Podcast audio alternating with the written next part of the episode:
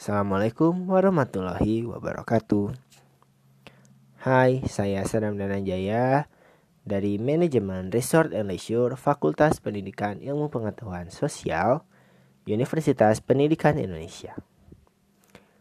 Kali ini dan di podcast ini aku berkesempatan menyampaikan satu materi dari mata kuliah umum Pendidikan Kewarganegaraan.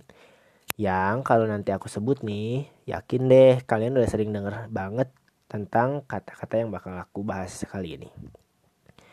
Yap, pada kesempatan kali ini saya akan membahas tentang demokrasi. Demokrasi tentu sudah sering kita dengar dong di kuliah-kuliah PKN atau di pelajaran-pelajaran PKN masa SD, SMP maupun SMA. Karena pada dasarnya demokrasi ini sudah melekat di kehidupan berbangsa kita sebagai bangsa atau negara Indonesia. Lalu apa sih demokrasi itu? Menurut bahasa, demokrasi berasal dari dua kata, yaitu demos yang berarti rakyat dan kratein yang berarti pemerintahan yang di mana jika digabungkan maka akan membentuk kata pemerintahan rakyat. Lalu pemerintah rakyat itu apa? Menurut Hornby 1988, demokrasi merujuk pada konsep kehidupan negara atau bermasyarakat di mana warga negara dapat berpartisipasi dalam pemerintahan melalui wakil-wakil yang telah mereka pilih.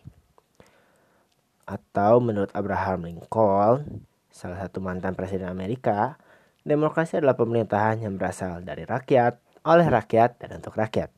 Atau from people, for people, and by people. Yang di mana rakyat memiliki kuasa tertinggi dalam suatu negara. Dan kebijakan-kebijakan yang dibuat haruslah berasal dari kondisi rakyat dan ditunjukkan kepada rakyat itu sendiri. Lalu bagaimana sih sejarahnya demokrasi di Indonesia atau bagaimana sih praktiknya di Indonesia? Demokrasi di Indonesia sudah ada sejak zaman kerajaan-kerajaan dahulu. Dahulu di Nusantara, di kerajaan-kerajaan tertentu sudah ada bentuk protes atau ketidaksukaan atau ketidaksetujuan para rakyat terhadap eh, peraturan-peraturan uh, atau kebijakan yang dibuat oleh rajanya sehingga mereka melakukan protes kepada rajanya sebagai bentuk penolakan. Lalu dalam Islam pun kita diajarkan bahwa kita sama manusia itu memiliki derajat yang sama di mata Tuhan. Dan tidak boleh ada pemaksaan kehendak oleh satu manusia kepada manusia lain. Lalu, tentu saja, jika berbicara mengenai demokrasi modern, nilai-nilai yang kita anut pasti banyak kita baca atau ketahui mungkin berasal dari Barat, di mana kemungkinan besar sistem ini dibawa oleh penjajah kita di masa lalu, yaitu Belanda.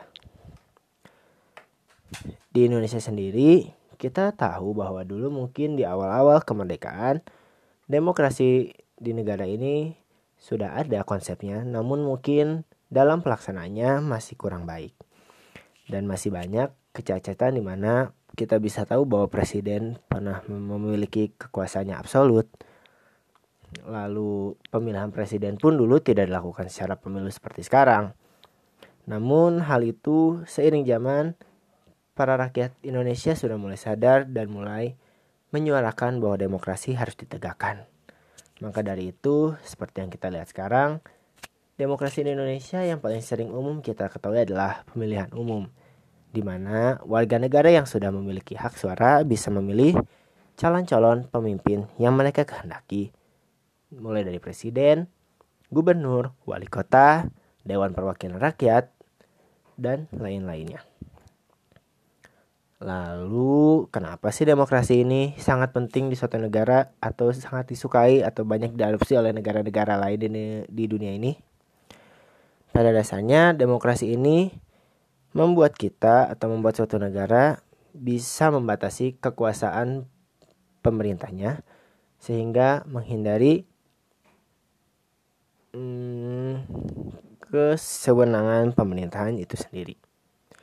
Saya rasa segitu saja deh materi singkat dari saya. Semoga bisa dipahami dan semoga kita semua sehat selalu ya. Dan jangan lupa terapkan demokrasi di kehidupan kita sehari-hari. Wassalamualaikum warahmatullahi wabarakatuh.